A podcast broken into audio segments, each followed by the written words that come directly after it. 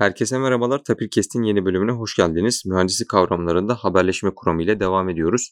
Bir önceki bölümümüzde kavramsal olarak, kuramsal olarak ele aldığımız işaret uzayları ve vektör uzaylarını haberleşmenin içerisinde, işaretler ve sistemlerin içerisinde biz nasıl kullanıyoruz? Bu kavramlar, bu uzaylar neden önemli? Birbirlerine nasıl dönüşümünü sağlayabiliyoruz? Ve bu dönüşümleri yaparken neleri korumamız gerekiyor? Bu gibi konuları ele aldık. Sonrasında ise çokça bahsettiğimiz, çokça konuştuğumuz Fourier ve Laplace dönüşümlerinin uzaylar bakış açısıyla incelemesini yaptık. Yani uzayların özellikleriyle Laplace ve Fourier dönüşümlerinin özellikleri birbirleriyle nerede kesişiyor? Bu özellikleri nasıl yorumlamamız gerekiyor? Bunları kısaca ele almaya çalıştık. Bölümümüzün sonlarında ise ünlü fizikçiler Schrödinger ve Heisenberg'in uzaylar üstüne yapmış olduğu tartışmalar ve bunların matematiksel olarak neye karşılık geldiği ve bu tartışmanın işaretler ve sistemler ve haberleşme kuramı ile olan ilişkisini ele almaya çalıştık. Keyifli dinlemeler dileriz.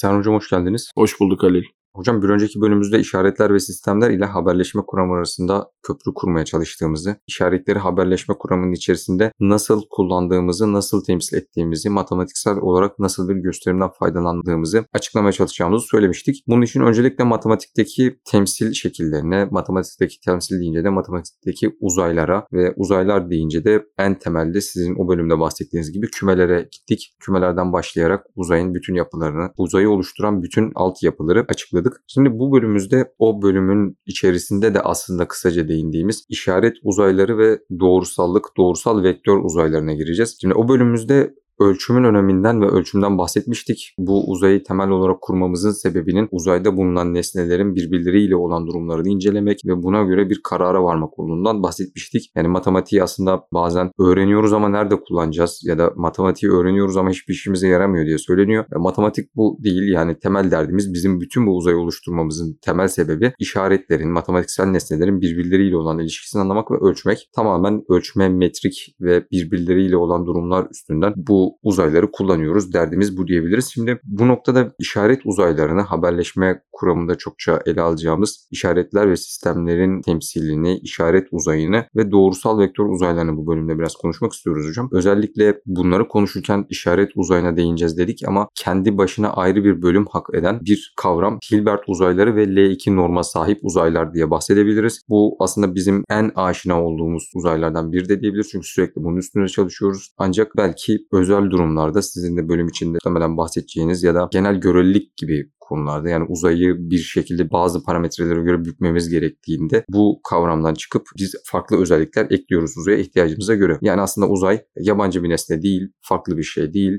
tamamen insanların hesaplama yapabilmek için oluşturmuş olduğu matematiksel nesneler ve uzayların kurallarını biz belirliyoruz. Bir uzay biz nasıl istersek o kurallara sahip oluyor ve en fazla şu an kullandığımız işaret uzayları ve doğrusal vektör uzayları bizim işimize yaradığı için bunların kuralları da bu şekilde konmuş. Böyle özellikle ben bunu derste hissediyorum. Hani doğrusal vektör uzayını açıklarken hocam mesela vektör uzayının kuralları budur. Tamam da bu nereden geldi? Niye bu? Nerede yazıyor? Hani açıkçası doğanın kanunu mu bu ya da vahiy mi geldi? Bunun ihtiyacını buna neden ihtiyaç olduğumuzu ve bunun aslında kuralı budur demek yerine bu ihtiyaçlardan ötürü vektör uzaylarının ya da işaret uzaylarının kuralları bu şekilde belirlenmiştir. Bunlar bu şekilde çalışan nesnelerdir olarak açıklanınca biraz daha akla yatkın olarak geliyor diye düşünüyorum. Bu bölümde de katıldığınız için teşekkür ederim hocam. Şimdi bu noktada hocam doğrusallığa da girmemiz gerekiyor ki işaretler ve sistemlerde çok çok konuştuk. Doğrusal vektör uzayları ve işaret uzaylarını bir karşılaştırmak istesek yani burada neyi kastediyoruz? Temel olarak bunlar nasıl farklılıklar içeriyor? Neden böyle iki farklı kavrama ihtiyacımız var? Öncelikle bana bu fırsatı verdiğiniz için tekrar teşekkür ediyorum Halil. Bu platformda konuşma şansı tanıdığınız için. Haberleşme sistemlerinde ve belki işaretler ve sistemler hatta çokça da bahsettik işaretler ve işaretler ya da sistemler ve sistemler dersinde eş adlarıyla müfredat müsaade ederse değindiğimiz bir konu bu. İşaret uzaylarıyla doğrusal vektör uzaylarının arasındaki eşleniklik. Bunlar iki ayrı matematiksel nesne ama aynı fiziksel olguyu iki farklı bakış açısıyla mükemmel mükemmel şekilde temsil edebiliyorlar. Şimdi tabii burada dinleyicilerimiz mükemmel sözcüğüne takılabilir. Az önce senin de söylediğin gibi kurallarını benim belirlediğim bir şeyin mükemmel olması anlamlı mı? Biraz açıkçası burada dersimizin de sözünü ettiğimiz olgunun da mühendislik olduğunu tekrar hatırımızdan çıkartmayalım. Bir tarafımız doğaya bakıyor yani fiziksel olguların temsilinden bahsediyoruz aslına bakılırsa. Yani senin de söylediğin gibi bir matematikçi bunların hiçbirine bağlı kalmayarak hiç alakası olmayan ve üzerinde çeşitli matematiksel fantezileri gerçekleştirebileceği bir uzay tanımlayabilir ve hayatına kaldığı yerden devam edebilir. Yani burada senin de vurguladığın şeye tekrar atıfta bulunmak lazım. Bu iki olgu neden çok önemli? Çünkü üzerinde çalıştığımız fiziksel durumlar bu yalın varsayımlarla ve az önce senin de söylediğin kurallarla tırnak içerisinde konmuş kurallarla ifade edildiğinde çok hızlı yol alabildiğimiz bir hale geliyorlar. Dolayısıyla bunu önce bir ifade edelim. Şimdi neden işaret uzayı var o zaman doğrusal vektör uzayına ihtiyaç duyuyoruz ya da doğrusal vektör uzayı var da neden işaret uzayı diye bir şey uyduruyoruz? Dinleyicilerimize şöyle örnek vermek gerekiyor bence. Daha önceki podcastlerde de bahsetmiştik. Bazen problemleri olduğu yerde çözmeye çalışmak çeşitli matematiksel zorluklar ya da bizim olaya bakış açımız insan beyninin kavrayışıyla alakalı nedenlerden ötürü çok kolay olmayabiliyor. Ancak aynı problemi dönüştürüp bütün temel özellikleri aynı kalacağından emin olduğumuz takdirde bir başka mecrada çözmeye çalışmak bazen çok hızlı yol almamıza neden oluyor. Bunu zaten senle de işaretler ve sistemler podcastleri altında çokça konuşmuştuk dönüşüm bölgesi adı altında. Benzer bir durum uzayların kendisinde de var. Yani orada uzaylar en azından üzerinde çalıştığımız uzayların özellikleri aynıydı ve bir takım korunum yasaları diyelim çerçevesinde bir dönüşüm yapıyorduk ve problemleri daha iyi, daha kolay, daha hızlı çözdüğümüz bir mecrada yol alıyorduk. Şimdi burada uzayın yapısıyla alakalı bir şeyden bahsediyoruz. Yani daha temel bir şeyin dönüştürülebileceğinden bahsediyoruz. Bu zaten çok da gördüğünüz üzere akla uzak bir şey değil. Yani üzerinde oluşturduğunuz şey dönüşebiliyorsa üzerinde duran şeyleri de dönüştürmek pekala mümkün olabilir. İşte burada üzerinde durduğumuz şeyleri, uzayın kendisini dönüştürmekten bahsediyoruz. Şimdi işaretler ve sistemler ders söz konusu olduğunda işaret uzayı dediğimiz şey hepimizin bildiği üzere genelde hani sürekli zamanda anlatılır. İnsanların da gözünde kolay anlaşılıyor diye ben de oradan devam edeceğim. İşte sürekli zamanlı yani yatay eksenin zaman olduğu, düşey ekseninde bir genlik olduğu, hepimizin gözüne bir fonksiyon, işte osiloskopun ekranında gördüğümüz şey gelebilir. Peki bunu vektör uzayla temsil etmek ne demek? İşte tam osiloskopun yaptığı iş aslında. Yani o gördüğünüz dalga biçimini, o gördüğünüz şeyin aslında tekil noktalardan birden fazla boyutta olabilir. Bir sırayla, bir indeksle ifade edilebildiği gerçeği. Tabii konunun değdiği yerler arasında mutlaka örnekleme kuramı var ama ben oraya gitmeden bir denklikten bahsedeceğim. Siz aslında şunu söylüyorsunuz bu iki denkliği varsayarak, bu iki denkliğin mevcut olduğunu gözler önüne sererek diyorsunuz ki fiziksel olgu sürekli zamanda işte analog dediğimiz bir biçimde olabilir, böyledir. Ancak ben bunu anlamaya çalışmak için analog dünyada olmama gerek yok. Ben bunu anlamak için, temel özelliklerini kavramak için indekslerini, adreslerini bildiğim ve her adreste ne yazdığına düzgün bir şekilde karar verebildiğim bir mecrada da onun bütün özelliklerini anlayabilirim diyorsunuz. Daha somut olması açısından hep de bölümünü de çektik diye hatırlıyorum. Analogdan sayısala çevirici aslında bunun bir örneği. Yani analogdan sayısala çevirici aslında sizin uzayınızı değiştiriyor. Nasıl değiştiriyor? Sürekli zamanda analog bir işaret girişte, çıkışta ise yatay eksende ayrık adreslerin olduğu ve her bir adreste bir sayının olduğu bir uzaya dönüştürüyor sizi. Yani bir vektör uzayına dönüştürüyor. Yani siz bir analog dalga biçimini aslında bir sayı dizisiyle ifade eder hale geliyorsunuz. Bunu başarmış olduk yani uzayı dönüştürdük. Tabi burada dikkat etmemiz gereken bir şey var. Bu dönüştürmeyi kafamıza göre yapmıyoruz. Bir takım özellikleri koruduğundan emin olduğumuz bir şekilde yapıyoruz. İşte o koruduğundan emin olduğumuz şeyler uzayın temel yapısını tutturan şeyler. Nedir onlar? Daha önce de konuştuğumuz üzere bir uzayda iki nesnenin birbirine göre olan durumunu yeni uzayda değiştirmemen gerekiyor. Birinci uzayda temsil edilen nesnenin ki küme oluyor artık bunlar boyutunu yeni uzayda değiştirmemen gerekiyor. 3. Uzayın yapısını değiştirdiğinde bunların eğer senin için önemliyse uzaklıklarının ya da benzerliklerinin artık hangisi ise değişmediğini garanti etmen gerekiyor. İşte bu üçünü bir araya koyduğunuzda ekstra şeylerimiz olabilir, bakış açılarımız ve parametrelerimiz olabilir. Siz aslında uzayı dönüştürmüş oluyorsunuz. İşaretler uzayı yani işaret uzayının doğrusal vektör uzayına dönüşmesi de tam olarak bu. Biz ne yaptık? Sürekli zamanlı analog bir işaretin ayrık zamanda ki hani genelde öyle söyleyebiliriz. Ayrık zamanda bir vektör cinsinden ifade edilmesine yol açtık. Peki koruduğumuz özellikler ne? Bir, en basit haliyle referansımızın aynı olmasını istiyoruz. Referans ne demekti? Daha önceki podcastimizden de bahsettiğimiz üzere eğer iki nesne birbirine birinci uzayda hiç benzemiyor ise birbirinden ayrıksa yeni uzayda da ayrık olmalı. Bunun işaret uzayındaki karşılığı iki işaret birbirine dikse onları temsil eden vektörlerin de birbirine dik olması gerekli. İki, iki işaret en azından işaretlerden bir tanesi için de söyleyebiliriz bunu. Bir işaretin boyutu işaret uzayında bunun karşılığı ne? Enerji olabilir, güç olabilir artık duruma göre. Ne ise dönüştürdüğünüz uzayda dönüşümü nasıl yaptığınızla ilgilenmiyorum. Aynı olmasını garanti etmek zorundasınız. Şimdi bu dikkat ederseniz bir önceki podcast'te de bahsettiğimiz ölçmeye tekabül ediyor. Yani doğrusal vektör uzayında bir ölçme yapıyor olmanız lazım. İşaret uzayında da bir ölçme yapıyor olmanız lazım. İşaret uzayındaki ölçmeye ne diyoruz? Sürekli zamanda analog örnek veriyoruz. Diferansiyel. Nasıl değiştiğini sizin bunu tutuyor olmanız lazım. Peki doğrusal vektör uzayındaki bunun karşılığı ne?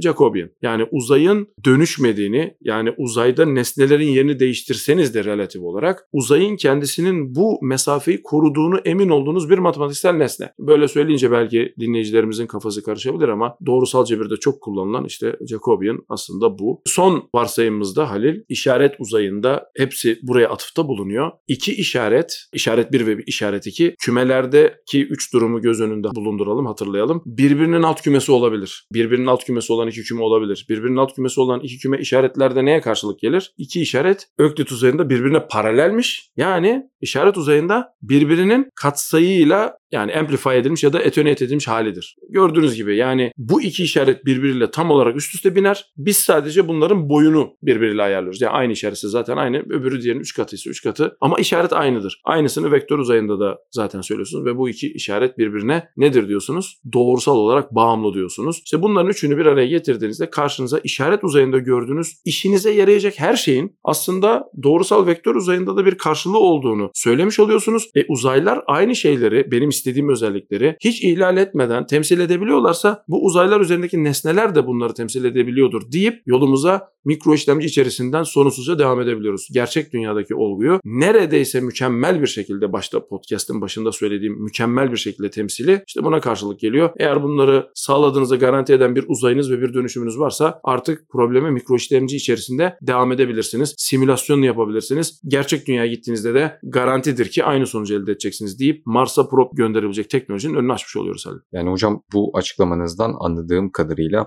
işaret uzayları ve doğrusal vektör uzaylarını kullanmamızın temel sebebi bizim yine mühendisler olarak gerçek dünya problemlerini çözmek ve doğrusal vektör uzaylarının hesaplama araçlarında temsilinin oldukça kolay yapılabilir, gerçeklenebilir ve güzel sonuçlar vermesi. İşaret uzayını ise işaretlerin nasıl karakterlere sahip olduklarını, işaretlerin birbirleriyle olan ilişkilerini biraz daha anladığım kadarıyla teorik olarak göstermek ve bu kuramları geliştirirken işaretleri temsil etmek için kullanıyoruz. Şimdi burada benim dinlerken aklıma gelen bir şey vardı. Bunu sormak istiyorum. Yani aslında bu dönüşümlerin içine Fourier transform, Laplace transform gibi ismini sıkça duyduğumuz transformlar da dahil değil mi hocam? Evet. Fourier transformun özellikleri olarak ya da Laplace transformun özellikleri olarak bizim pratik yaptığımız, çoğu insan ezberlediği özelliklerin çoğu da aslında onların tanımlanmış olduğu uzayın özelliklerinden kaynaklanan özellikler olarak karşımıza çıkıyor anladığım kadarıyla çok güzel bir yere değindin. Hatta dediğim gibi podcast'ın başında mutlaka değinmemiz gereken biraz kaçındığım hani bölümün kendi içerisinde saklı kalması ve dışarıya taşmadan konuları anlatabilmek adına ama kaçınılmaz olan da bir şeyden bahsettin. Özellikle Fourier serisi ve Fourier dönüşümü bence bunun çok güzel bir örneği. Laplace bunu bir adım daha öteye götürüyor. Hatta orada da vektör uzayının karakteristiğiyle alakalı işte skaler vektör uzayları, vektör uzaylarının kendisi, vektör uzaylarının vektör uzayları gibi çeşitli kavramlar çıkıyor ama Fourier burada gerçekten çok anahtar bir nokta. Fourier bizi şunu sağlıyor Halil. Böyle diyebiliriz. Sürekli uzayda yani ilk mikro işlemciden önceki uzayda yapmamız gereken şeyin sürekli uzaylarda senin doğrusal uzaylar podcastında bahsettiğin gibi taban vektörleri yani temel cinsler, temel